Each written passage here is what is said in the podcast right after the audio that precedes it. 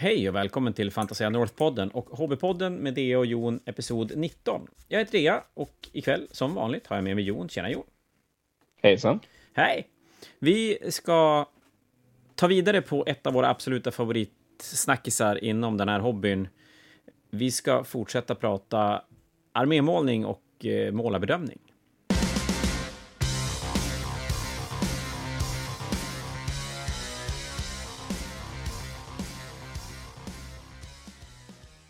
Men innan vi pratar armémålning och målarbedömning så ska vi eh, snabbt berätta exakt samma sak som vi gjorde förra veckan. Alltså, vad sitter vi och pysslar med denna fredag kväll? Du får börja. Och roligt nog, roligt nog tror jag att vi sitter upp båda och pysslar med exakt samma sak vi gjorde Nej. för en vecka sedan. Ja, ja, du bygger idag också? Jag fortsätter bygga min Slanners armé för jag upptäckte ju att jag måste ju bygga armén för att kunna spela armén. Och måla den och, och allt annat grejs? Ja, men bygga kommer före målandet för min del i alla fall. Ja, det bör göra det för alla. Det kanske är någonting vi ska nämna någon gång, men ja, gör ni något annat sätt så gör ni fel. Eh, superenkelt. Eh, jag målade Pentias, eh, fortsätter trycka på på de här, sa just det till Jon innan vi började trycka på play, eller på, inte på play, på inspelning, att eh, det kanske bara blir sex stycken. Jävligt roliga att måla, men det är lite pill, så att eh, det är roligt nu, men det kanske inte blir så mycket mer roligt av det. Bara sex stycken. Borde Det- du inte ha tio åtminstone? Ja, men egentligen borde man ju det. Men eh, det blir nog förmodligen fler. Eh, häng kvar lite, Sunjo.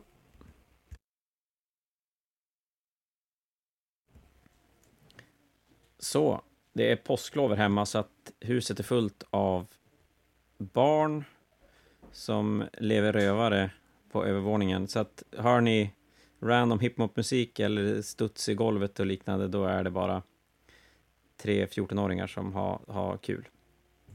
Men det var en, det var en helt annan, annan femma. Eh, vad sa vi för någonting? Jo, depend- jo, men tio stycken borde man kanske ha, tänker jag. Så det blir nog några en låda sen. åtminstone. Ja, jag, jag, jag vet, jag limmade, jag limmade så blev jag så jävla less på limmaren för det är så satans tråkigt att limma dem. Jag tror jag bröt av en också. Ja, det är ju typiskt. Men då kan du köra en färre. Ja, faktiskt. Det är väl okej. Men, Men- nu men- ska vi väl prata om uh, målarmallen höll vi på förra veckan.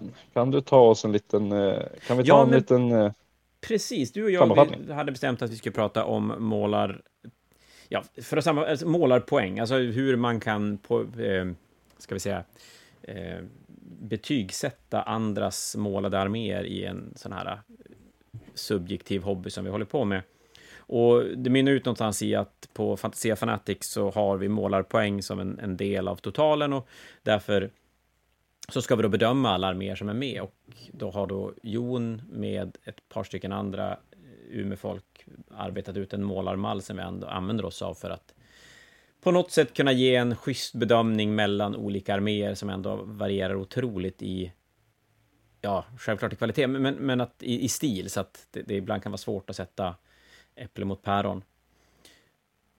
Vi pratade lite grann om det, men jag tror att det kanske är enklast. Har ni inte lyssnat på episod 18 så gör det, så får ni lite mer kött på benen på vad vi pratar om ikväll. Men oavsett, även om ni inte hört förra avsnittet så går det nog att få med sig kanske en... Eh, man får ju aldrig med sig någonting av det vi säger ändå, men man kan lyssna på oss. För vi, vi, vi kommer att prata armémålning och, och skit ändå det Men vi kommer vi att göra. Ja, vi avslutar någonstans vid baser och hur pass viktigt baser är och att när man, när man tittar på till exempel då tuver på baser, att man gärna ska göra olika baser för att det ska, eller variera för att det ska se, få mer liv i alltihop. Ja, naturen är ju aldrig en ensam växt, en typ av växt på ett ställe. Det är ju oftast flera växter som kämpar om överlevnad på precis det, Precis som i på 40K. typ samma plats. Ja. Men eh, om jag tänkte att vi kanske skulle titta just på eh, baser i förhållande till målarmallen. Och den målarmall som vi la ut till den här Fanatic hade ju ingen specifik baskategori. Och det är någonting vi har diskuterat att vi borde nog ha det till nästa gång. Eh, en kategori där eh, vi eh, poängsätter baserna. Ja, jag tror att någonstans när vi, när vi gick igenom och kollade alla de här 150 arméerna så insåg man ju att baser gör så jävligt mycket för helheten i en armé. Och jag vet att jag personligen, nu är det inte alls säkert att jag har med alla på tåget här, men jag är väldigt inne på att baser gör nästan ännu mer på de lite sämre arméerna. Alltså, sämre, jag menar så att mer de här battle ready-arméerna. Att där kan en bas framförallt höja armén otroligt mycket om man lägger lite extra energi på det. Jo, baserna var ju väldigt viktiga som vi pratade om i förra avsnittet. Och därför ska vi också då lägga till en baskategori. Inte bara för att basen är viktigare, för det var inte som att vi inte bedömde baser innan. Men ibland blir det så svårt att bedöma eh, både målning och baserna i samma kategorier, så man måste nästan bedöma dem separat ändå. Jag tycker det blir mycket att göra baser är så otroligt annorlunda från att måla figurer. Så, som gör att vissa kan vara helt jävla magiska på att få ihop baser som både är jättevälgjorda och passar enormt bra till armén. Men att målningen kanske inte riktigt når upp till samma, samma höga kvalitet. Jag uppfattar väl sällan att det är tvärtom. Då är det i så fall att målare kanske är lat och inte orkar göra baser ordentligt. Lite grann som konverteringar. Nu, känslan jag har nu för tiden är att folk som inte anser att de är duktiga på att måla försöker kanske inte lika mycket nu att, att konvertera och bygga eget, för det finns väl inte samma behov av det som det gjorde förut. Men jag vet att förut i alla fall var det definitivt så att många kunde vara enormt duktiga på att konvertera, men att fick inte alls målningen att nå upp till som samma kvalitet. Nej, och det är som du säger, det är väldigt olika förmågor kan man väl säga. Att, att, att måla snyggt betyder ju inte nödvändigtvis att man är bra på att bygga saker själv. Och tvärtom förstås. Eh, och baserna är ju generellt är ju baser lättare att måla. För när du, när du drybrushar, en, en bas mår ju väldigt bra av egentligen drybrushing. Eh, I många fall kan det bli snyggare än, än många andra försök. Ja, men faktiskt. Av, av de allra enklaste målartekniken, för det ska jag nog ändå kalla drybrush faktiskt att det är, så, så är nog kanske det den som generellt sett gör sig absolut bäst när du, när du bygger baser. Mm, precis, så att det, det, det gör ju att man behöver inte vara särskilt duktig på att måla för att göra väldigt snygga baser. Utan då kräver det ju mer bara hur man, hur man bygger ihop den och kanske få färgerna att gå ihop med armén. Och att välja färger behöver man egentligen inte vara duktig på att måla på heller. Nej, jag, jag kan känna det att det finns ju ingen bättre än att, att vara en idéspruta på jobbet till exempel. Man behöver inte göra det. Man kan ju så bara berätta och så sen någonstans få den andra värdera vad de klarar av och inte klarar av. Och mm. då... Ja, men jag, jag anser mig själv betydligt mycket bättre på, att komma på idéer och, och färger och grejer än att kanske nödvändigtvis utföra det själv. Ja, du får ju väldigt många som antagligen kommer in till butiken och frågar dig vad ska man göra. Ja, men det, det blir väl så. Och så sen har man någonstans snappat upp... Ja, men det blir lite erfarenhet att man har gjort det så länge, men jag kommer med idéer oftare än vad jag sätter mig och testar ut nya saker på, på figurer. Och, och, men det är väl kanske lite grann som att, att spela spelet, att det, det är inte nödvändigtvis samma sak att vara duktig på regler eller vara duktig på att förklara spel som att faktiskt vara duktig på att spela. Nej, precis. Jag brukar vara väldigt duktig på regler, men eh, det är inte som att jag går runt och vinner alla matcher för det. Nej, lite samma sak här. Okej, okay, ganska mycket samma sak här. Betydligt mycket bättre på, på TOA och svara på regler än att flytta mina gubbar rätt på spelbrädet. Blir även otroligt mycket mer osäker på regler när jag spelar själv än när jag ska berätta för andra hur regler funkar. Men det är väl en helt annan femma. Mm, jo, men jag känner igen det där.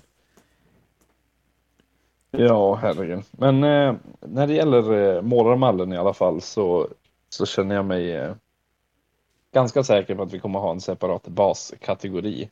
Men då också att den ska fungera som alla andra kategorier. Och vi pratade ju om det här lite grann förr att eh, kategorierna, att, att vi har olika kategorier som vi bedömer arméer eh, i. Så att först så kategoriserar vi arméerna på en nivå från battle ready till eh, good looking till eh, ja, vad, impressive sa vi sista kallar vi den nivån, sista. Precis. Eh, sen är det kanske strunt samma vad man kallar dem, men det Ja, viktiga är ju bara vars man drar gränsen mellan dem. Och, Men det gör man ju det gör vi tillsammans. Eh, ja, men exakt. Och, och samma sak, hur mycket poäng de respektive ger är ju också lite skitsamma. Det kanske är förhållandet mellan dem som är intressant. Och vi har valt att egentligen ha då, vad blir det, 20, 30, 40 är grunds, är som starten på respektive kategori. Ja, Precis.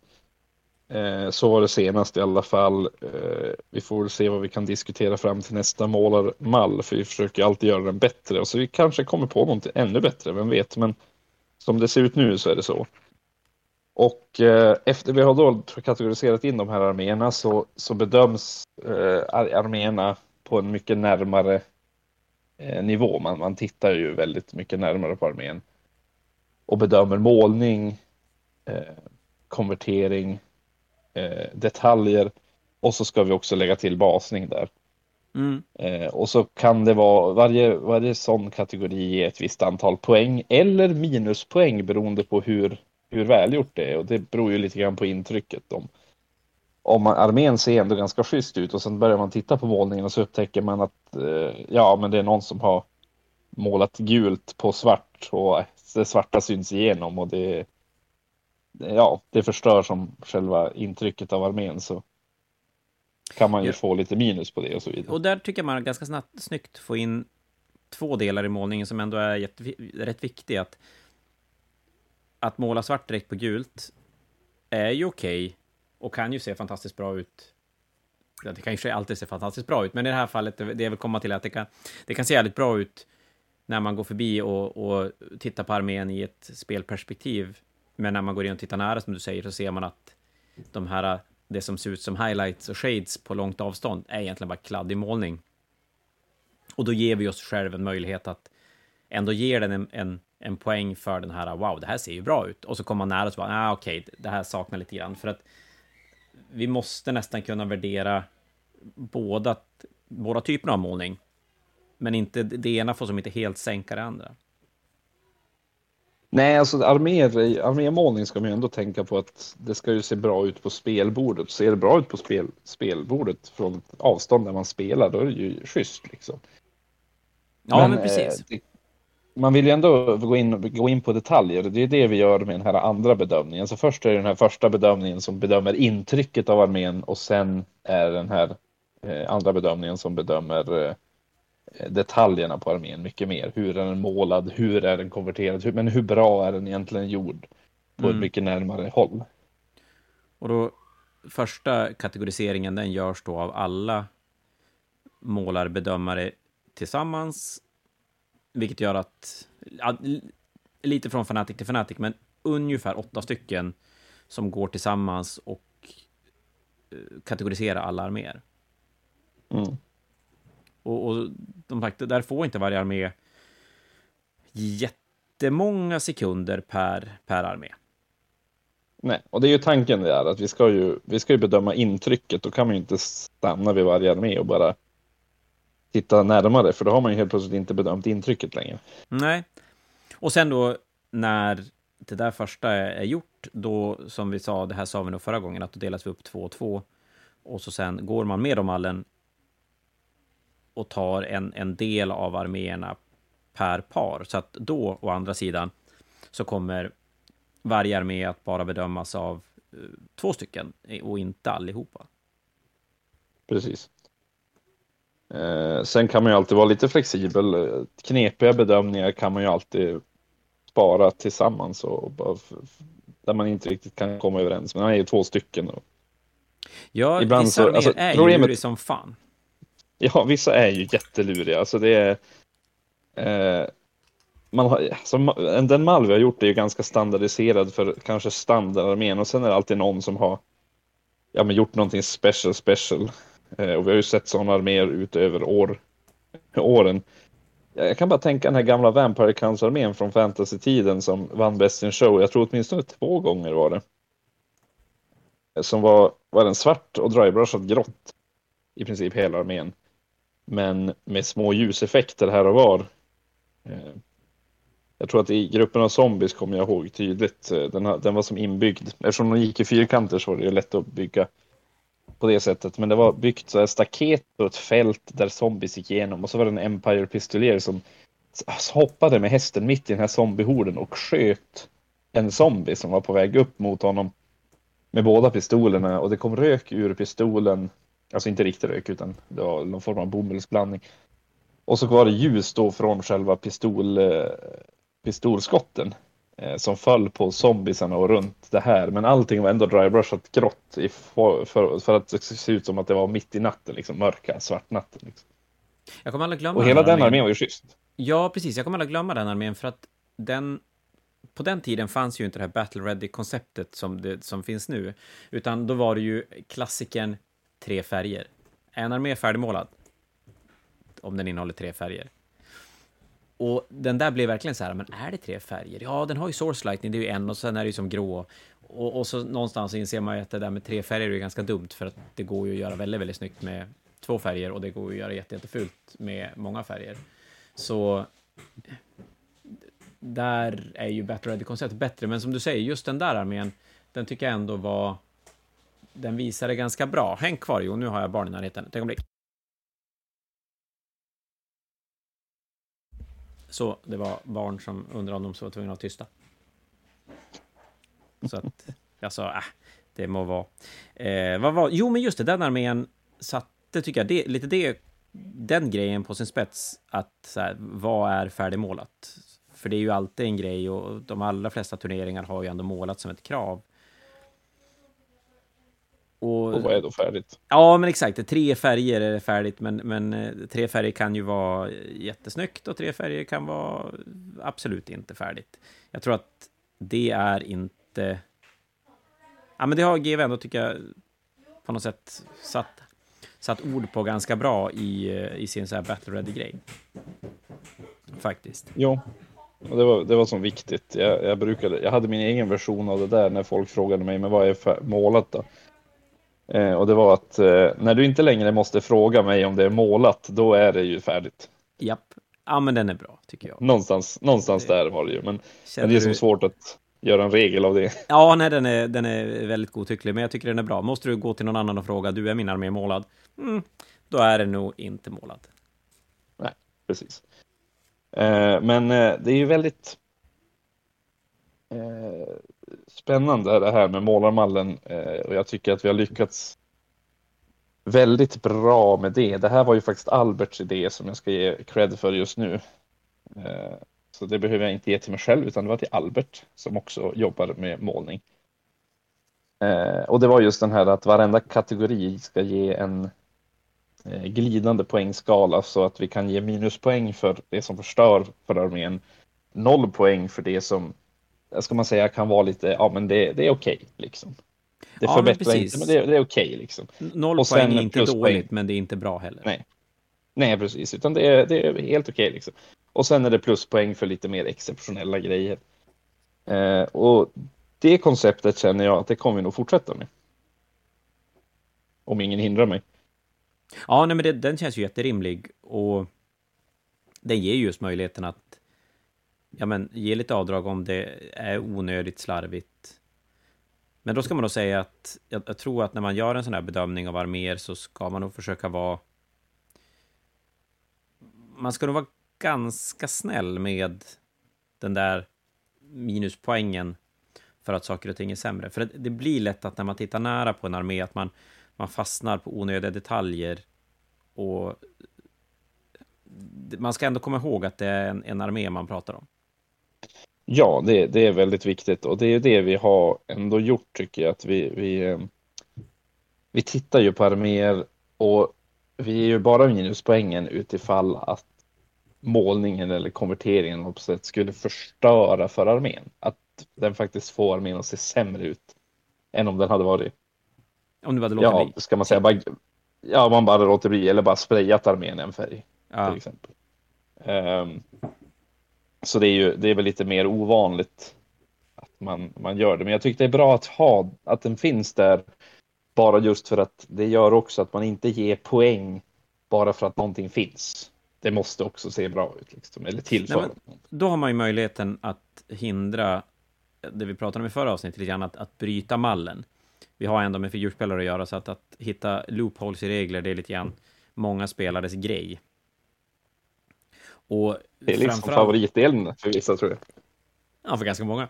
Och framförallt nu när det är, ja men som med, med Championship, World Championship-biljetten på Fanatiken, så har ju stakesen för, för priset höjts ganska rejält och, och då, då blir det ändå konstigt om man inte lämnar öppet för en subjektiv del i en, en väldigt subjektiv grej, som just målning och vad är snyggt och vad är fult. Och att ha då så att det här ger poäng, punkt, det är nog inget bra. Nej, det har ju aldrig varit bra tidigare för, för målarmallar eller någonting, för det är väldigt lätt att, ja, om, om, om man får poäng för att ha konverteringar, varför inte bara klistra en massa eh, Space Marine-huvuden över hela rustningen på en, på en Space Marine liksom? Ja, men exakt. Det, är en, och, och det kan ju till och med vara så att en bra, en bra genomförd konvertering inte heller nödvändigtvis gör armén bättre. För att det helt enkelt blir fel. Ja, ja. Det, det kan bli mycket fel. Eh, och det kan ju, ja, om man ska använda ett folkligt uttryck, det kan ju faktiskt bara se dåligt ut. Se riktigt dåligt ut. Eh, alla har nog sett arméer eller projekt och sådana saker som faktiskt ser dåligt ut eh, i slutändan och det kanske inte var meningen. Även den som har gjort det kan ju ibland se. Jag vet att även jag ser ju ibland på vissa saker jag gör och bara tänker, men det här, det blev ju inte alls som det skulle vara. En vanlig Då får man antingen jag... börja om eller Ja, och jag tycker en vanlig sak som gärna gör att projekt inte riktigt blir så bra som det skulle kunna bli, även då bland... Och inte det att, att någon har genomfört det dåligt, utan att man har valt och, och gjort fel saker. Det är väl, tycker jag, när folk använder för mycket färg på arméer. Och då pratar jag alltså inte med för mycket färg på pensel, utan för många olika typer av färger på en och samma figur eller i en och samma armé ja, det blir lite cirkustält-effekten som jag brukar kalla det. Och det funkar ju sällan, skulle jag säga. Ja, det, det funkar väldigt dåligt. Jag minns eh, när jag var ganska liten, jag tror inte jag var mer än 11 år, så målade jag Phoenix Guard till eh, High Elf. Och det, de finns ju fortfarande kvar, Phoenix Guard. Fast på min tid var de i tenn. Eh, och jag minns att jag, jag målade rustningen guld, eh, vissa delar så här silver, Eh, jag målade manteln röd, gul och, nej vad säger jag, röd, eh, blå och vit. Eh, och så målade jag vissa delar av rustningen röd. Och sen när jag blev färdig med modellen så tittade jag på den och undrade varför ser den här ut som skit? Ja. Men kunde inte riktigt sätta fingret på kanske vad det var som gjorde jag kunde inte. Och så hade jag gröna baser dessutom, det med den här klassiska Goblin Green-kanten. Mm. ja, det blev ju bara värre. Eh, men jag, jag satt och tittade på den och bara tänkte, men här har jag bara använt fina färger, varför ser den ut som skit? Ja. Eh, och det var någonstans där jag kom fram till att eh, många olika färger som inte går ihop med varandra, det förstör ju. Jag har faktiskt exakt samma sak, samma historia. Jag var nog lite äldre än vad du var. Men det är en eldarfigur, det var gamla Eldrad Ulthran. Man hade ju typ Spiritstones och grejer hängande från sin stav och det såg väl lite grann ut som frukter den designen, eh, eller skulpteringen. Men de valde jag att måla i alla regnbågens färger. Och även det blev så här wow. Och, och, det är klart, hade man målat det fantastiskt bra så hade det sett ut som varje sten hade glimmat i mörkret. Ja, men då hade det väl säkert funkat hur bra som helst. Mina såg inte ut som de glimmade i mörkret. Mina såg ut som skit. Nej, och det där är också faran med flera andra saker, till exempel eh, måla ljus och det är sådana här saker som jag verkligen inte gillar. Eh, måla energibitar. Eh, till exempel, eh, ja, men kan vi ta Scave, Scavens eh, Endespell som det är en massa energiblixtar som har runt på den. Jag tror, nej, vi kan ta Endless Spells som exempel i allmänhet, för Endless Spells har ju väldigt mycket av det här. Jo. Det är rök och det är blixtar och det är eldsflammor och allt möjligt sånt där. Och det kan ju väldigt lätt se jättedåligt ut om man försöker sig på någonting. Ja, faktiskt. Där är, är ju det lätt att bara förstöra genom att ge sig in i saker man inte riktigt klarar av. Och det är svårt. Men så ett... ett nej, men det är värt att gå igenom färgsättningen innan. För även om man inte Det riktigt... Jag kan, jag kan tycka att det är svårt som inte nödvändigtvis har färger i blodet. Jag kan tycka att det är svårt ibland att sätta fingret på vad är det som gör det här fult och vad är det som gör det här bra. Men oftast finns det ju någon sorts facit. Varför saker och ting inte riktigt funkar och varför vissa saker bara funkar. Jag kan ju rekommendera att alltid använda ett, ett färghjul när man ska bestämma vilka färger man målar med. Och man behöver inte göra någonting exceptionellt komplicerat utan om man bara använder ett färghjul och tar färger som är så långt ifrån varandra på det här färghjulet som möjligt så kommer man inte att gå fel egentligen. Ja, den är faktiskt Eh, jättebra och även om ni inte kan så som Jon säger så ta två färger som är rakt emot varandra.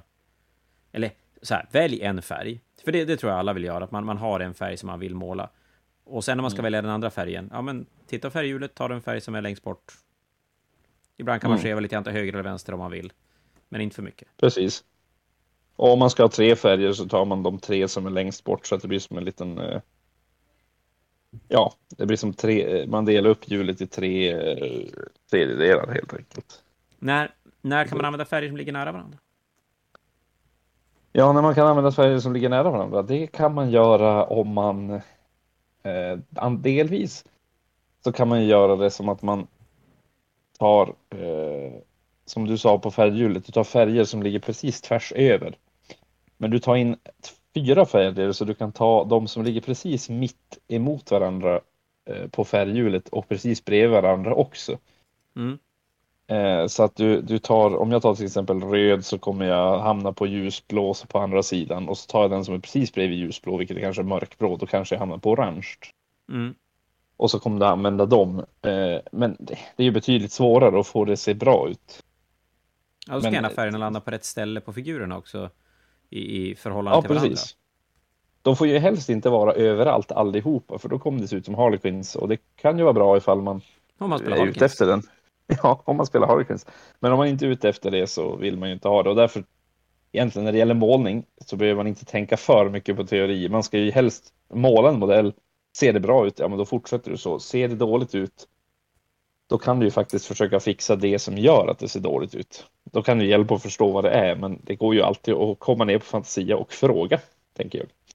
Ja, att höra av er till er lokala community. Man får lite eh, olika folks infallsvinklar. Sen kan man gärna ta några styckens åsikter för att eh, en person har ju nödvändigtvis inte rätt. Nej, precis.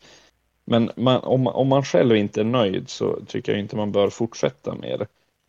Och det är ju lite grann det här jag sa om Endless Spells och energi och måla sådana saker också. Att naturligtvis ska man ju försöka sig på det.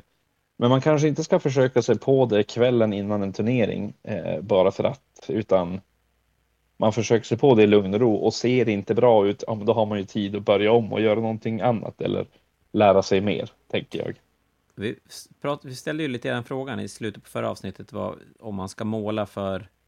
Jag tror att frågan ställdes att om man ska måla för någon annans skull. Och där är det väl väldigt olika åsikter. Eh, vi fick några som tycker till exempel att det är jättekul att få sin armé målarbedömd för något sätt ett kvitto på vart man ligger någonstans. Och kanske som du var inne på förra gången också, att man, man tävlar lite grann mot sig själv. Jag fick X poäng förra gången, kan jag få mer den här gången? Sen finns det ju vissa som tycker att man ska absolut inte göra det, utan bara måla för sin egen skull. Och är man nöjd så då är det bra. Och ingen är ju fel, det finns ju inget facit här. Utan du, du ska ju... Ja, men du ska vara nöjd själv. Sen om du är nöjd med slutresultatet eller om du är nöjd med processen dit, det är ju egentligen upp till dig. Det, det jag däremot kan tycka är viktigt är att man... För jag märker av det ganska ofta, folk som har bestämt sig att jag ska måla någonting i de här färgerna. För att det ska jag. Och så sen börjar de och jag ska inte värdera någon annans snyggt eller fult, för att det är faktiskt upp till var och en att tycka hur, nöjd man vill bli med sina grejer. Men vissa får som inte fart i det för att de inte får färgerna att funka. Eh, de, de kanske inte listar ut något enkelt sätt för att måla en armé i den färg de vill. Och då kan jag känna att ibland kanske det är bättre att skippa de färger man hade tänkt sig. Och gå på någonting annat. Om det är så att man inte får det att funka, att det, man blir inte nöjd eller att det tar för lång tid.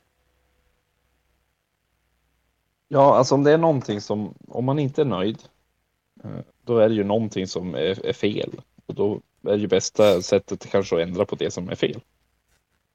Om det då är färgerna eller tekniken man använder eller ibland kan det ju faktiskt till och med vara armén. Ja, faktiskt, den är inte helt orelevant. Att, självklart kan alla någonstans tänka sig att man lär sig måla så att man klarar av att måla vilken färg som helst, man klarar av att måla vilken armé som helst, eller typ av figur kanske man ska säga, till den standard man vill ha. Men ibland blir det ju så att det tar för mycket tid, det tar för mycket energi och, och man inte riktigt når det resultat man vill inom den tid. Så att man istället hamnar i ett läge där man inte målar alls. Och då är det läge att byta. Ja, men då tycker jag också att skip, skippa de färgerna. Ja, men, så här, ja, men gul armé, skit i en gul Space Marine-armé och bygg någon annan armé. Mm. Eller någon annan färg. Kan, kan jag känna. Om det är så att det, det stoppar upp. Jag har ju till exempel generellt sett ett problem att måla arméer med mycket stora runda ytor. Alltså då Tau, Eldar, delvis Space Marines. Det är väl tre arméer som jag eller vi ser Tau Eldar framför allt, som jag har absolut inte riktigt kommer överens med målarmässigt. Jag, jag, jag får som inte, min, de tekniker jag tycker om att måla tycker jag inte riktigt funkar. Och då vet jag att det gånger jag har provat så blir det som ingenting. Så varför sitta och plåga dig själv med det? Då är det ju bättre att bara byta, eller hur? Ja, nej, men jag tycker det. Det, det, det finns så mycket coola arméer och, och, figurer att det är bara att hoppa på något annat. Och mm. så sen kan man lära sig där. Och sen kanske man någon gång kan, kan komma tillbaka till ett sånt projekt om man känner att man har utvecklat sig eller att man kanske har ett par färdiga arméer som man faktiskt kan hålla på med ett projekt som får ta lite tid. Mm. Men säg att du verkligen avskyr att, att uh, måla eldar som du sa, men ändå älskar eldar och du bara vill spela eldar. Då kommer jag ju på det perfekta du kan göra. Spela Dark Eldar istället? Nej. Nej, då kan du ju faktiskt ta och konvertera istället. Göra en sån lek av det. Fan. Nej. Om man nu känner sig att det, känner att det är någonting som man vill kunna göra. Men om man vill spela eldar men inte vill spela med eldar-modellerna så finns ju alltid den möjligheten. Det är någonting man, jag gillar med den här hobbyn i alla fall. Du har ju rätt. Att man alltid kan hitta någon annan väg till, till det och, och, försöka lösa det på något sätt. Så att, nej, är man tillräckligt peppad på en armé, då ska man väl inte bara ge upp för att det inte funkar. Även om jag oftast gör Men man kanske... jo. Alltså det är inte alla som vill konvertera heller, så det var bara någonting jag sa för, för de få som faktiskt kanske skulle vilja ta tag i en sån utmaning. Men jag tycker ändå att den kan vara viktig att tänka på att den, den möjligheten finns ju. Det behöver inte vara stora konverteringar. I vissa fall kan det ju nästan vara eh, rena proxys. Jag vet att eh, jag var väldigt sugen på det här och jag tror inte jag kommer att göra det så jag lägger ut det på podden för att någon annan ska sno idén. Ja. Men det skulle ju vara lite kul att göra en, en Gene Steeler Cult-armé i 40K. Fast med eh, Skaven-modeller från Age of Sigma. Det skulle vara coolt ja, det skulle gå att göra och det skulle passa också. Liksom. De gräver tunnlar och kommer upp bakom folk och allt det där. Det skulle vara ganska coolt.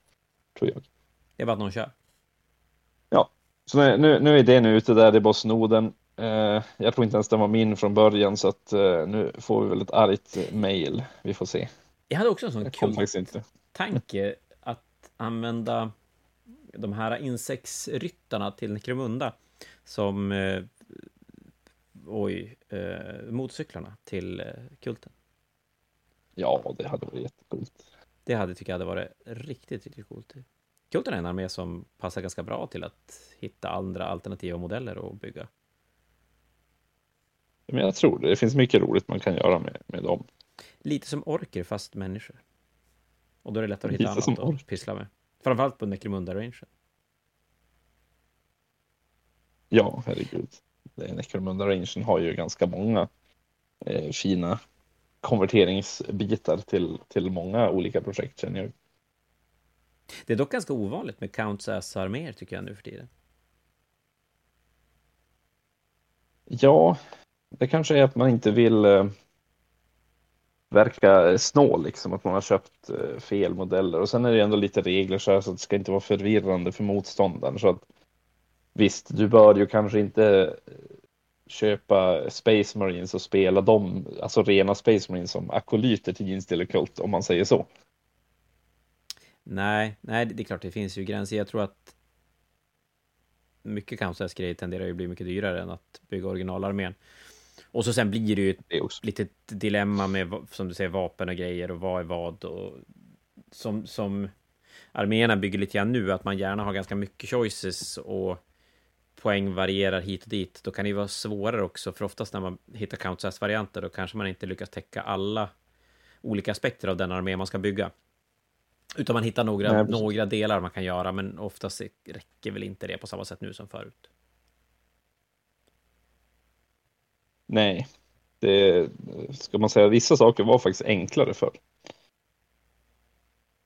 Kvaliteten på, det var jag vill nog säga att det var lättare att måla snyggt förut.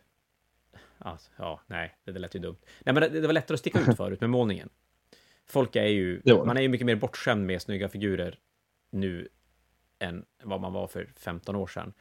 Och jag tror att det blir ännu mer med konverteringar, att det är ännu svårare att konvertera så att det ser konverterat ut och ändå tillräckligt snyggt för att folk ska bli nöjd med det. Ja, men det är som du säger, vi har väl blivit lite bortskämda och vi, vi ser så mycket snyggt på internet.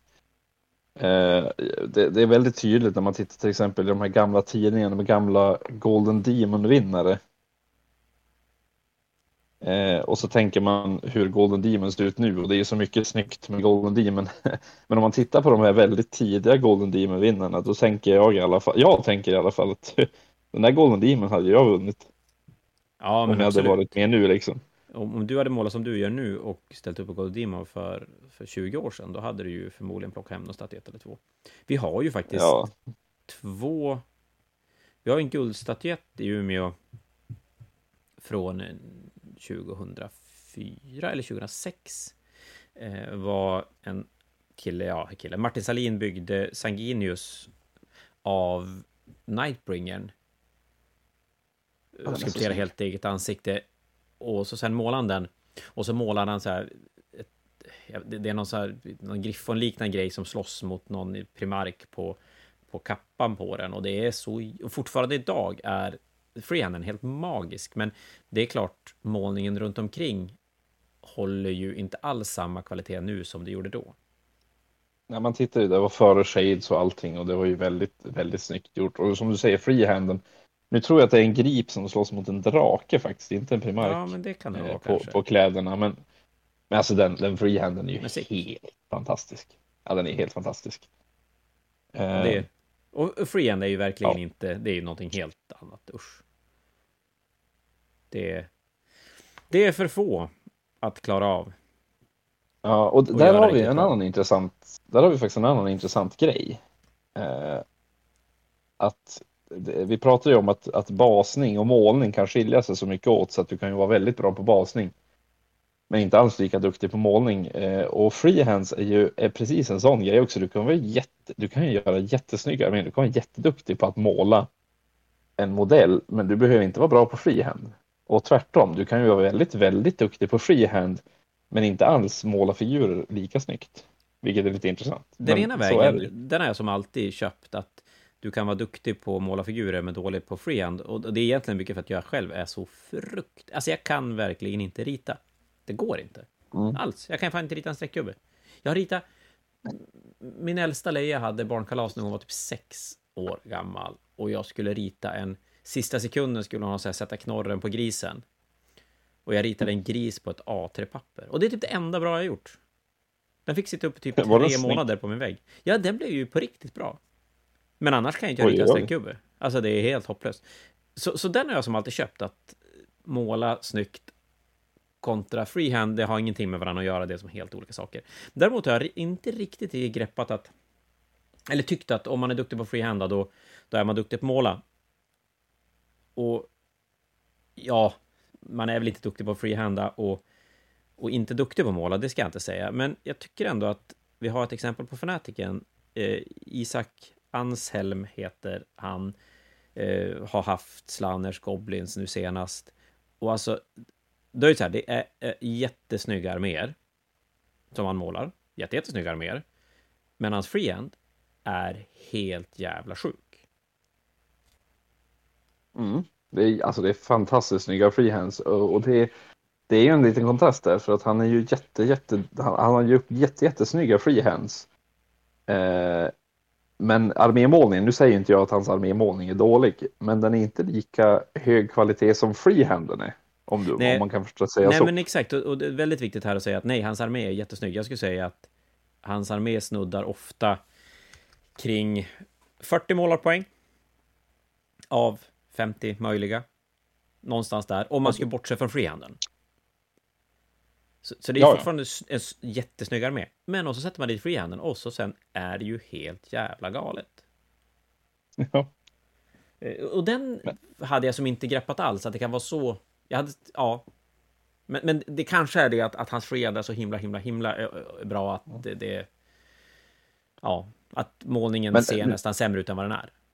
Ja. Men nu är det ju inte, nu är det inte bara han visserligen, utan det finns ju också andra exempel var jag inte kan namn på, men jag har sett flera stycken. Men jag, jag har ju en, vissa hypoteser om det här och det är att, att måla en, en bild eh, på något tvådimensionellt, där sätter du ut du sätter ut dina egna skuggor och konturer på ett annat sätt än vad du gör på en modell. För där är ju redan skuggorna och, konturerna förutbestämda. Du måste bara ge rätt färg på rätt ställe. Det är så jävla eh. skönt att måla figurer. det är ju det. Men det är ju det som gör att det blir en ganska stor skillnad från freehand. För du kan ju vara jätteduktig på att teckna. Det finns, tänk dig de som tecknar med blyerts. De kan ju ja. vara hur duktiga som helst på det. De som målar tavlor också, de kan ju vara hur duktiga på det som helst. Eller de som gör tatueringar, även de måste ju vara väldigt duktiga på att, att göra bilder liksom. Men det betyder inte att man har den här inneboende känslan kanske vart en färg ska vara på en modell som redan är färdig, en tredimensionell modell. Att måla 2D är ju inte som att måla 3D. Så därför kan det ju vara väldigt mycket svårare att även om man gör sjuka snygga freehands så behöver man inte nödvändigtvis eh, vara superduktig på att måla en, en tredimensionell modell och särskilt inte en hel armé som kräver uthållighet på ett annat sätt än att måla en bild. Nej, men det är nog en, en god tanke också att just att eh, ha uthålligheten för att göra färdigt en hel armé. Det tycker jag är ganska intressant. Jag pratade med en kille på jobbet idag som är helt galen på att måla färdigt arméer. Det blir snyggt. Eh, och det går fort. Och det är alltid armémål. Han, oj, nu ska vi se. Han heter... Jädrar, vad heter Christer på Instagram, Jon? Kryokinesi. Så är det, ja. Så, säkert många av, er som, ja, många av er som lyssnar på oss har garanterat sett följt honom på Instagram. Målar jättefina arméer och det går fort så in i helvete. Och vi vill snacka lite grann idag, för jag blir så imponerad över hur, hur han hinner. Men sen när man börjar prata lite om upplägg och grejer så inser jag att han målar nog förmodligen mindre timmar än vad många andra gör, men är sjukt effektiv och fokuserad när han sitter och målar, utan han, han har bestämt innan vad han ska måla, vilka färger han ska använda. Och, och så sätter man sig ner och så bara kör man. Istället för att hamna där jag är nu till exempel. Nu är jag så här, ja, nu har jag målat färdigt allting jag hade bestämt innan, så att jag har inte ens gubbar i närheten att måla på, för att jag vet inte vilka färger jag ska använda. Nej. Så jag kan sitta och titta på mina gubbar istället. Och det är klart, då hinner man inte måla så mycket. Nej, precis. Eh, det är ju faktiskt ganska intressant att, att planera sin målning i förväg. Det är ju någonting jag inte har gjort eh, själv, utan jag brukar ju bara ta med mig, men det här kan jag ha lust att måla och så Eh, om jag ska ut och måla till exempel, eller om jag målar här, då har jag ju liksom ja, men det här måste målas och det här måste målas och så tar jag det lite som det kommer, så det blir ju inte en jätteeffektiv målning egentligen. Nej, men eller hur? Och då slog det mig. Jag som nu hade jag inte målat färdigt, för jag är ju, jag är ju jävla senildement. Men ja, men det slog mig att för många, och jag känner mig själv, känner igen mig själv så jävligt mycket, det att jag kan sätta mig och så sen ska jag bestämma vilket, vilken tv-serie jag ska se när jag målar. Det tar typ 20 minuter. Sen är det så här, oj, vad ska jag måla? Ska jag måla den eller ska jag måla den där? Och vart var jag där? Hade jag målat det där? Hade jag inte målat det där? Och sen har man spenderat eh, en halvtimme med att sitta och fundera istället för att faktiskt bara måla. Måla Ja, då blir det inget målat liksom. Nej, men då är det svårt att hinna färdigt. Och som alla, de allra flesta har ju begränsad tid man kan lägga. Och då är det ju bra att vara effektiv med den tid man lägger det på målning. Sen självklart ska det fortfarande vara roligt att sitta och måla, men jag, jag tror ju inte folk har tråkigare om man sitter och målar än om man sitter och försöker fundera ut vilka färger man ska använda. Nej, precis. Nej, fundera ut vilka färger man ska använda, det kan man ju faktiskt göra när man inte sitter och målar. Eh, om man gör det före så, så sparar man ju tid. Istället för som du säger, man, man sitter bara och glor på sina figurer. Ja, det är något så- jag gör ganska ofta. Ja, men jag också. Och, och sitter och antingen är lite så här bitter över att det inte blir som jag tänkt mig. Alternativt sitter och beundrar det jag har målat. Och så att, det här blir ju bra. Vrider på den. Det här blir ju bra. Också ganska duktig på att sitta och ha lite så halvångest för ytor som jag ska måla. Som jag vet är lite besvärlig. Ja, just det, de ju. Istället för att faktiskt bara börja måla. Ja, det tar ju också tid. Ja, men det gör ju det. Och så blir man inte färdig. Eh, Och, och det... Ska man måla mer så är det fan i mig bra att vara färdig. Att bli färdig. Ja, nu när vi har kommit fram till att man faktiskt kan bli färdig, eller aldrig kan bli färdig. Men det är ett tidigare avsnitt. Ja, det, det är ju få saker, tycker jag, i den här hobbyn som är så... Eh, men vad fan, vänta nu. Är belönande som att göra färdigt figurer. Alltså ställa undan Nej, alltså- figurer och bara, nu är den färdig. Fy fan vad gött. Yes. Och färdiga arméer också, när man faktiskt får armén. När man kommer på turneringen också som man ska använda armén på och bara få ställa upp sin färdiga armé. Ja, och Ja, det är skönt. de som inte har varit i den situationen, just hur ofta man får beröm för sin armé. Även om man själv absolut inte anser att det är snyggt. Nej, man får ofta beröm för arméer faktiskt. Och det tror jag handlar om att jag tror att det handlar om att alla som är på ett sånt där ställe, när vi är så här 150 personer, om alla pysslar med samma sak, att alla de där 150 personerna vet hur helvetes mycket jobb det kan vara att göra färdigt en hel armé. Ja, Och någonstans blir det ju lite grann oavsett hur det ser ut. Är det färdigt så blir man lite smygimponerad över folk som har gjort färdigt arméer. ja alltså det är ju... Det, jag vet att det är en bedrift att få färdigt arméer. Jag sitter, jag, jag sitter ju ofta och arbetar på arméer som jag har börjat med typ 2016 eller någonting sånt där. Mm. Och, och där är det väl just, det här har vi säkert nämnt tidigare också, att jag menar, gör färdigt, sätt ett färgschema som innehåller lagom mycket färger. Vad, vad ska man säga på en, alltså en armé? Inte fan behöver man ofta mycket fler än tio färger. Nej. Nej, som sagt, nu, nu har vi ju nyss nämnt en tvåfaldig Best in Show-vinnare på Fnatic som använde grå drybrush och lite röd-orange Ja, eh, på vissa, vissa ställen. Liksom. Eh, Så, så inte dränka skiten i färg. Var fokuserad när ni målar. Sätt färgerna på... Alltså vad, vad, ska, vad ska vara vart? Och nya områden, släng inte in en ny färg nödvändigtvis, utan återanvänd någonting ni har runt omkring på figuren i övrigt, så, så kommer ni ganska långt. Och då, då går det fortare, för då får man, ju, man får ju som inklämmen på hur man ska måla de där färgerna. Men nu tror jag vi kom återigen ganska långt bort från ämnet målarmallen. Jag hade, nästan glömt bort, jag hade nästan glömt bort vad vi höll på att prata om. Ja, Alltså fokusera på att måla Purity Seals. Det röda Purity Seals. ja, men jag förstår det. Det är svårt att eh, prata och måla eller bygga samtidigt. Ja, faktiskt. Ja, eh, Och sen- måla, målarpoäng. Men vi hade landat någonstans i att eh, olika, olika kategorier poängsätts lite olika. Att baser... Hade vi kommit fram till att det förtjänar en helt egen liten, liten omnämnelse i den där målarmallen. Det blir ju framförallt lättare för oss som bedömer saker, för det är väldigt, alltså folk, och det är som du säger, just för att de är så olika så har ju folk gjort så väldigt olika på baserna och modellerna. Eh, modellerna kan ju vara i en viss nivå och baserna kan vara en helt annan nivå om man säger så.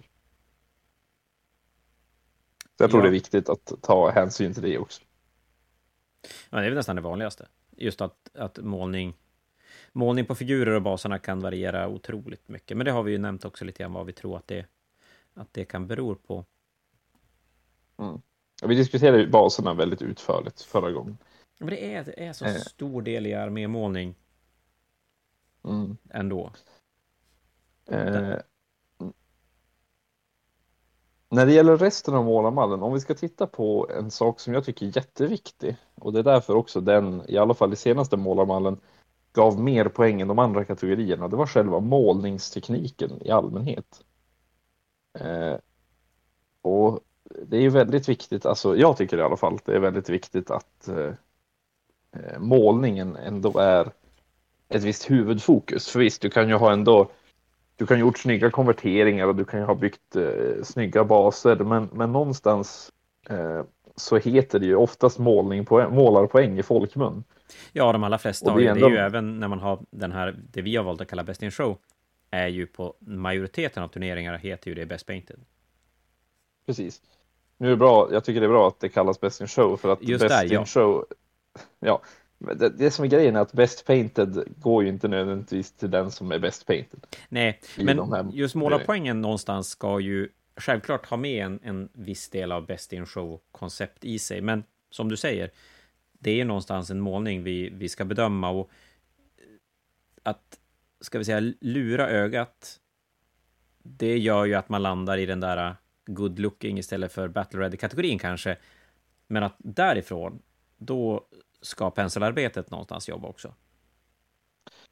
Precis, det, att vinna Best in Show eller, eller Best Painted på turneringar det handlar ju också oftast om att lite publikfrieri kan man väl säga. Mm. Eh, eftersom det är oftast en omröstning av, av deltagarna som är där. Eh, och det betyder ju att man kan göra väldigt spektakulära saker. Eh, min Carraro-armé till exempel har ju lite tjusigt vatten eh, på baserna. Men är ju inte sådär mästerligt målad egentligen utan det är ju mest bara kopparfärg med, med lite olika glazes över.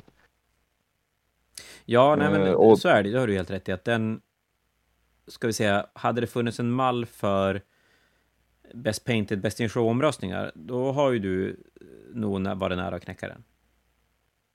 Precis. Men eh, den är ju inte så pass bra målad så att jag tycker att den ska få maximalt målarpoäng. För man måste ju ändå tänka lite grann. Hade någon gjort precis min armé fast målat bättre så ska ju den rimligtvis ha högre poäng. Det är lite så jag får tänka. Jag tycker man får tänka på en sån här mall. Att det ska inte riktigt bara räcka genom att göra en grej. Visst, du kan konvertera skitsnyggt. Men om någon hade konverterat precis lika snyggt som du men målat bättre, då ska ju den rimligtvis ha högre poäng. Eller, förstår du hur jag tänker? Förstår ni hur jag tänker här hemma liksom? 100 procent. Yes. Om det jag förstår så förstår alla. Alla förstår då. Vi säger, vi säger så. Japp.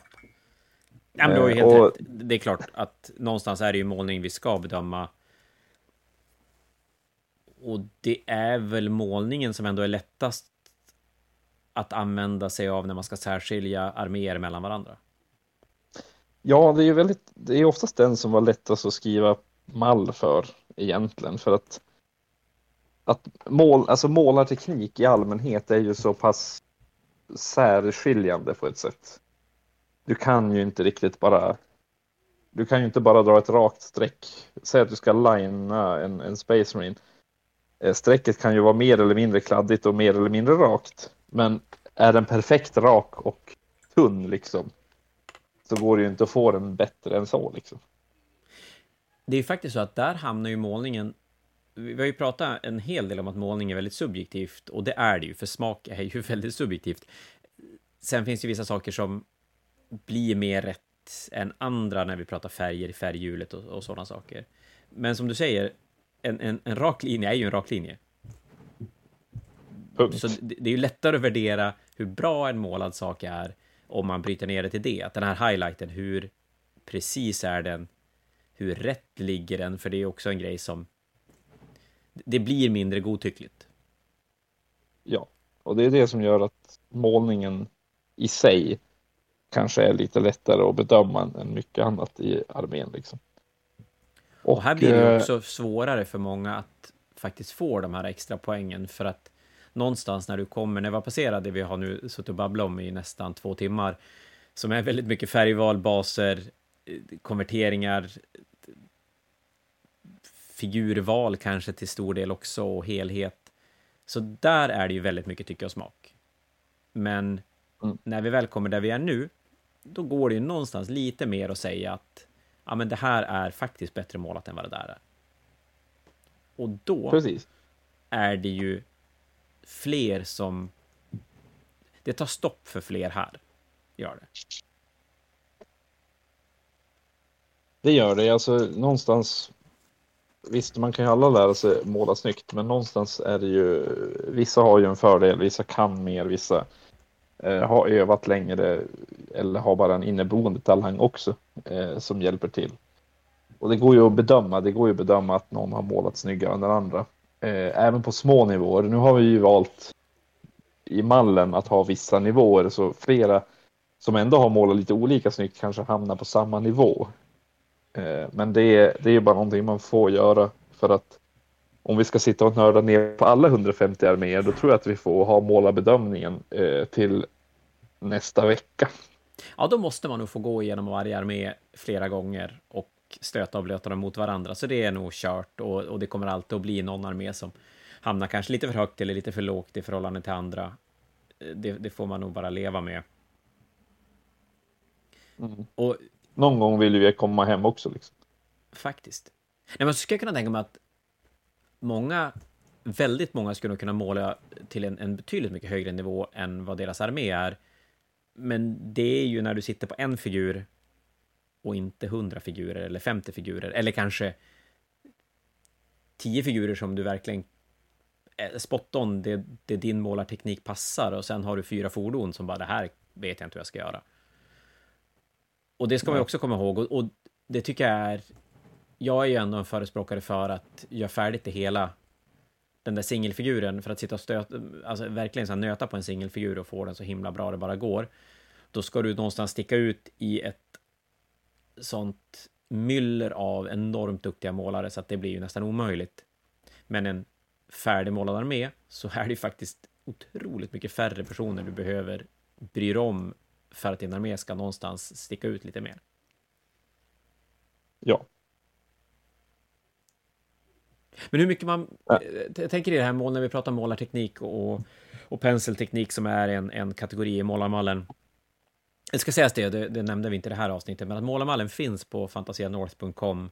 Klicka på evenemang, Fantasia Fanatic och där finns målarmallen att kika på om ni vill se hur varje det här poängskalan ser ut. Kanske för att få en liten känsla över vad, och självklart vad vi värderar som en, en välmålad och bra armé. Men vi är rätt många olika som har haft input i den här mallen, så jag tror att vi täcker upp en ganska stor del av hur figurspelare ser på målade arméer överhuvudtaget. För det ska jag säga, vi är ju figurspelare allihopa, så att vi ser ju ändå armémålning som, som någon sorts huvudsyfte i det här. Ja, och det är inga noviser som har varit och jobbat med den här mallen, utan vi är erfarna inom hobbyn allihopa. Och... Det är ett par stycken Best in Show-priser bland ni som har varit med och tagit fram mallen. Ja, det är ju ett par, va? Ja, men det är det. Vi har Bränne då, ha vad har han? Ja, tre Fyra. tror jag. Ja, tre har han. Och du har? Jag har tre. Nej, jag har tre också. Har du bara tre? Jävla amatör. Alltså tre om jag räknar Best in Show på Fanatic. Ja, jag har ju Best Painted från Uppsala också och ja, lite annat små. Och så från, vad heter det här? Diplomet som du ska ge mig det. Eh, vad heter det? Det var Store Championships, där vann ja, jag också. Ja, just det. Det är sant. Nej, men så att där har vi några stycken och vi har Eh, även Albert landar ju på Impressive i, i våran egen... Nej, han är ju med i, i Fanatiken och hans armémålar bedöms ju av andra. Och den är Impressive. Så att, nej, det är klart. Jag, jag tror att vi täcker upp ganska mycket hur en... Hur en hur ska vi säga, figur, figurmålare, figurspelare värderar snyggt målade arméer. Självklart undantag, absolut. Eftersom vi Jo, pratar jo, men, om eh, tycke och smak. Men... Nej, men så i alla fall, absolut. vad jag skulle komma till var att ni kan gå in och kolla lite grann hur den ser ut där. Men vi värderar då penselteknik och det jag tänkte säga där, det var det har ju kommit rätt mycket färger nu som gör mål... Ja, nu hör ni ju tonåringar i bakgrunden så det bara sjunger om det. Det är ju fantastiskt. Eh, nej, men det har kommit ganska mycket färger som, som förenklar målning för många. Kontrast, speed paint, express paint eller vad, vad det nu alla varianter heter. Och det är ju frågan hur man ska, hur man ska göra då. Helvete så sött det är när de försöker smyga lite grann här. Det går inte bra eller? tycker vi är jobbiga. Ja, men det tycker jag ju, det tycker jag ju annars också, så att det är Eh, lugnt. när du har poddat klart, Ja, då ska vi ta på toan och så ska vi doppa ansiktet i vatten. okej. Så då får du gå upp i Sias rum. Okej. Om ni undrar så är tonåringar ganska konstiga varelser. Man förstår sig aldrig riktigt på dem, men det är okej. Eh, vad, vad sa vi för någonting nu? Eh, vi pratar... Jo, just det. Kontrast, speedpaint gör ju väldigt enkel målning för många och gör arméer snyggare på ett enklare sätt än vad det gick att göra tidigare. Så att vi ser ju fler snygga arméer än vad man gjorde tidigare. Men jag tänker mig att där blir det svårt att värdera penseltik och grejer när, när man har lagt några lager kontrast på en figur. Ja precis, alltså är det väldigt grundläggande kontrast, liksom att man har använt kontrast som, ska vi säga, GV annonserade att de skulle användas, ett, ett tjockt lager. Då kanske det inte ger några extra poäng. För det är ju inget, vad ska man säga, svårt. Det ser inte dåligt ut, men det, det kanske inte heller är det här lilla extra som, som gör att penseltekniken Alltså man ser att det är en bra penselteknik. Däremot så går det ju att få kontrastfärger, går ju att få väldigt snygga på andra sätt. Eh, om man vet hur man gör. Både om man eh, både zenitmålar innan men också kanske tunna ut kontrastfärgen så att den eh, flyter lite lättare på vissa ställen och så vidare. Och har man gjort det så, kan, så syns det ju definitivt att det är snyggare. Det kanske till och med kan vara så snyggt så att man kommer upp i nästa nivå. Sen tror jag att det är väldigt svårt att komma upp till absolut högsta nivån av målning med enbart kontrastfärg. Ja, där, där måste du nog göra något alldeles, alldeles, alldeles exceptionellt med dina färger och förmodligen också då med konverteringar och den här helhetsintrycket som behöver vara någonting utöver det vanliga för att komma dit. Sen är ju kontrasten går ju även att använda som en grund till att sen lägga lite pens vanlig traditionell penselmålning på. Och kanske bara Mm. spara dig själv två, tre steg färg på vägen. Och det kan ju vara bra när du ska måla en hel armé som sagt som tar sin beskärda del av energi att göra färdigt. Det du sa nu, det är någonting som jag känner att många kanske glömmer. Även fast kontrasten är ett väldigt bra eh, verktyg så betyder inte det att det behöver vara det enda man väljer. Man kan ju faktiskt måla med eh, den gamla hedliga penseltekniken ovanpå kontrastfärger efter den har torkat. Men har det inte landat lite grann i det, tycker jag, att vi hamnar i samma cykel som när Borsen, nu ska vi se, nej, jo, när Borsen kom första gången, Devlan Mud och Badda Black var det väl, va? Som det hette första gången det dök upp. För då så blev ju alla arméer lite brun. Att den Ja. användes ju och annonserades ju mycket som att måla dina grundfärger, täck hela figuren i Devlan Mud and you're done. Och det var man ju till alltså det blev ju, ja, okej ska jag väl inte säga, men, men det blev målat och det blev vad som nu skulle då falla under kategorin Battle Ready på lägsta nivån. Men då gjorde ju att alla arméer blev brundassiga. Nu kan du göra det, men behålla kulörta färger och, och göra det på, i, i betydligt mycket fler, olika- på, på fler olika sätt än vad man kunde göra förut. Men det, det jag ville komma till var väl då att det började så och sen efter det, när det hade gått en viss tid, så började shaden användas till kanske det den egentligen var meningen till, att, att man spottade ut delar av figuren med shades. Och kontrasten, speedpaint eller vad det nu kan vara, tycker jag har landat mycket i det också. Att i början var det verkligen, ta din kontrast, kladda ett lager och du är färdig. Nu känns det som att den har blivit mycket bredare. Det är kanske, jag skulle nästan säga att det är fler som använder det som ett komplement till en mer traditionell målning än att det är folk som använder det bara för att lägga och måla den där klassiska speedpaint eller eh, kontrasttekniken. Mm. Men kvaliteten överlag tycker jag höjdes med kontrasten. Att vi ser färre arméer som inte känns riktigt färdiga. Jag, jag ska inte säga fula, för det är lite fel ord att använda, men jag tycker många arméer förut, och fortfarande absolut att det finns sådana arméer nu också, hamnar i läget där så man, men du är ju som inte färdig. Du har ju som lagt de här första tre, fyra, fem färgerna. Men det, det behövs lite mer för att det ska som se, se okej okay ut. Ja, det där med att inte vara färdig, det är ju som det är ju nästan den största synden med armén kan jag tycka. Att en, en jättesnygg armé kan ju se mycket sämre ut bara för att den inte är färdig eller att det, det märks tydligt att den inte är färdig. Särskilt vissa modeller som är målade mycket snyggare än andra modeller. Ja, men jag förstör ju intrycket på något sätt. Ja, men jag tycker att det vanligaste man ser när folk som säger men jag kan inte måla, jag, jag, ja, ja, jag kan inte måla, det är ju ett väldigt vanligt argument man får när, när det handlar om att måla sin armé. Och det, det, det handlar ju egentligen inte om att man kan måla, för att det handlar ju ofta att man väljer fel tekniker, fel färger, ibland kanske fel armé till och med, men, men det går ju oftast att komma runt. Men jag, jag skulle säga att man väljer fel färger, man väljer fel tekniker. Och man ibland lägger för mycket fokus på vissa grejer och glömmer andra saker istället för att vända på det. Och där kommer vi tillbaka till baser en gång till.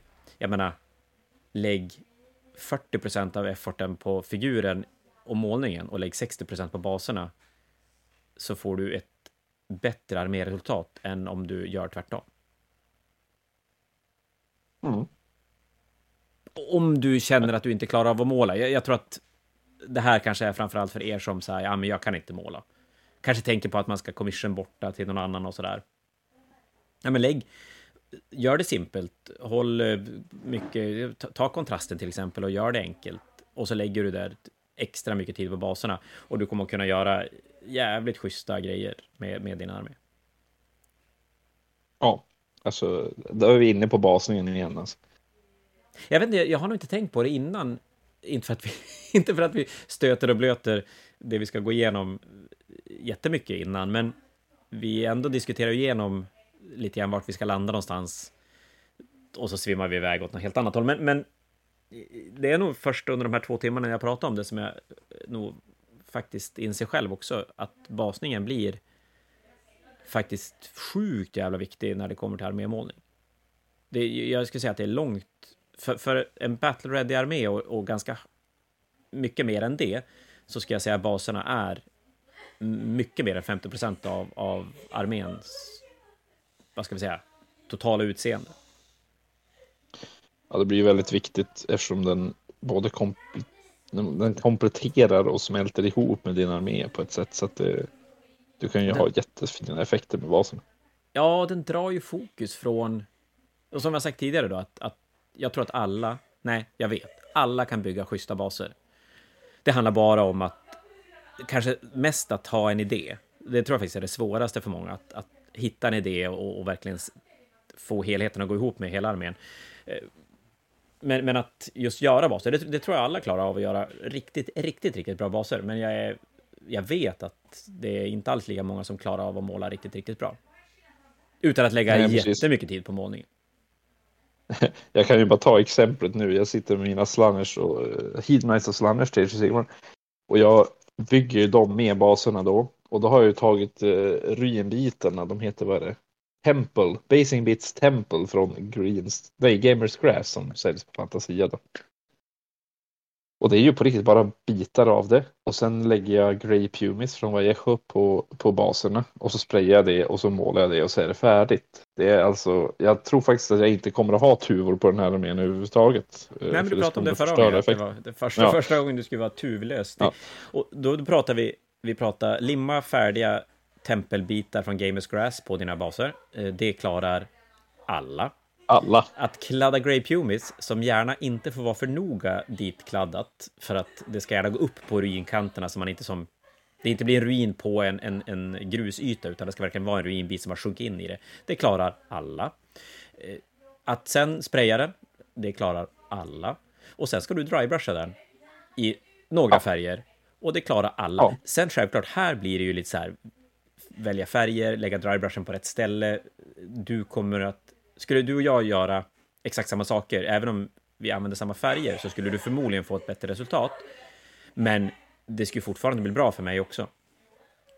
Och Ja, jag skulle inte misslyckas med att lägga highlights eller göra... Alltså, det handlar inte om det. Och sen om du vill lägga tuvor på det, ja men det är ju inte svårt att limma dit tre tuvor med lite superlim. Nej, och just tuvorna kan ju hjälpa också att om man inte får nu går jag tuvlös för jag tror väldigt mycket på min målning i förhållande till de här baserna. Men om man känner att man inte är riktigt sam lika eh, självsäker på sin målning och hur det kommer att smälta ihop och allting, då, då kan man ju använda tuvor liksom för att dölja skavankerna i basen. Ja, och Eh, även och- ä- dra ännu mer fokus från figuren genom att sätta lite färg på baserna också. Så gör man ju det. Ja. Och det Det är klarar alla, som du säger. Ja, men precis. Och det är inte svårt att göra det på, på många figurer. Det, det tar inte mycket energi. Det är jobbigt om du inte har planerat det i förväg däremot. Så att om du målar din armé och sen bara, ja just det, de står ju på några jävla plattor, vad ska jag göra av dem? Lite, grann- lite grann så. jag ser exakt det jag gör med mina systrar. Jag, så här, jag, jag satte... Jag hade lovat mig själv att inte göra lika tråkiga baser som jag har på mina tyrannider med bara grå strukturfärg. Nu har jag ju satt mer tuvor på dem så det blev roligare. Jag lovar mig att göra det roligare. Eh, jag har lite så här snöbasaktigt på, på någon typ av eh, brun grund. Det innebär att jag har inte tänkt. Jag har nu målat 40 systrar.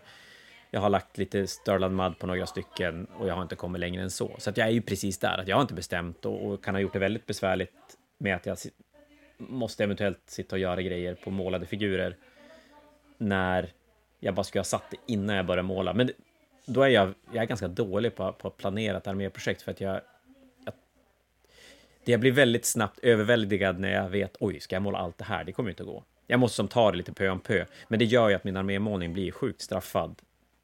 Eh, och det hade nog varit bättre att bara bita ihop och så här, bestämma färger, bestämma baser, fundera ut vad baserna man ska göra innan man målar figuren och så sen sätta sig ner och, och förmodligen göra baserna först och så sen spraya och måla figurerna efter det. Förmodligen. En sak som blir väldigt snyggt, visserligen man kan ta baserna eh, alltså ensamma. Man behöver inte. Man kan måla figuren först och sen eh, måla baserna och sen sätter man ihop baser och figurer, absolut. Men det kan också vara ganska snyggt att interagera figurerna i baserna och lite grann som jag gör just nu på mina slanners. Jag, jag limmar alltså baserna samtidigt som jag limmar figurerna. Ja, men exakt. Det var lite det jag ville komma till. Att, att, men då har du en plan redan innan du börjar måla hur du vill att baserna ska se ut. Och då blir det, då blir det lättare att höja armén med hjälp av baserna. Då blir inte de jobbiga att göra när du känner att du är färdig med en. För det är lite grann det jag landar i väldigt ofta. Att jag blir färdig med figurerna och så bara just det, bashelvetet ska jag göra också. Och så sen blir det väldigt enkelt för att jag känner att... Och det... Jag kanske är ensam om det här, men jag tror inte det. När mitt huvud har sagt att den här figuren är färdig, då har jag för jävla svårt att ta tag i den igen. Och när jag målar sista penseldraget på en figur och säger att nu är den färdig, och intressant, jag måste göra basen, det, det, då blir det oftast ganska slarvigt. Att då blir det, ja, då blir det den där strukturfärgen och inget mer. Det höjer inte armén. Nej. Mycket. Nu, tack och lov, så min målning är ändå helt okej, vilket gör att jag min armé... Nu ska jag skryta lite grann. Nej, men min armé blir ändå okej. Och så sen sänker jag den med min bas, men det blir ändå en okej armé. Eh, Men jag tappar ju väldigt mycket av, om vi då ska använda det vi pratar om nu, målarpoäng. Jag tappar ju en hel del målarpoäng av att min armé blir ganska tråkig när man börjar titta, när man tittar mer på den.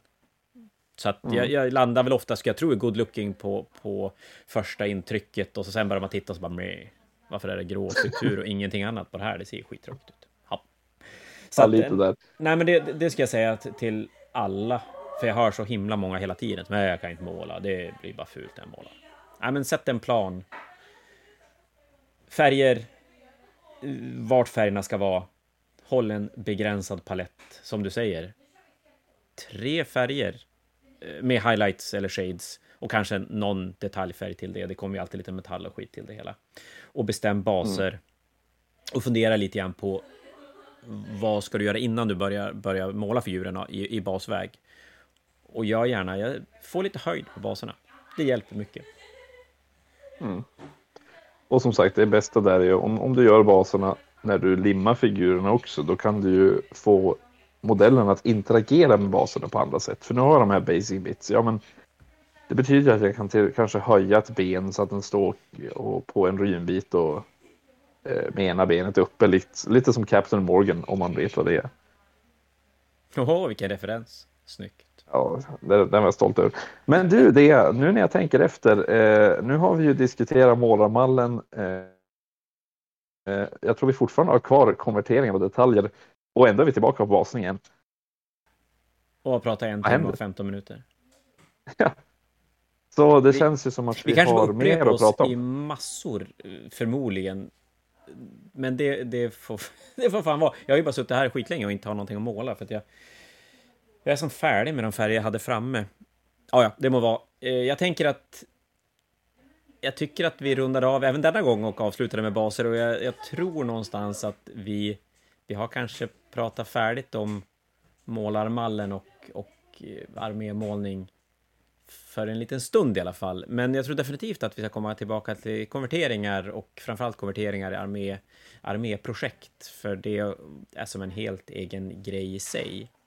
Men Jon, vad säger du? Ska vi, ska vi vara nöjd? Vi hade några visa slutord där som jag har glömt bort och vi har pratat bort, men jag tror att vi har haft en, en, en bra avslutning.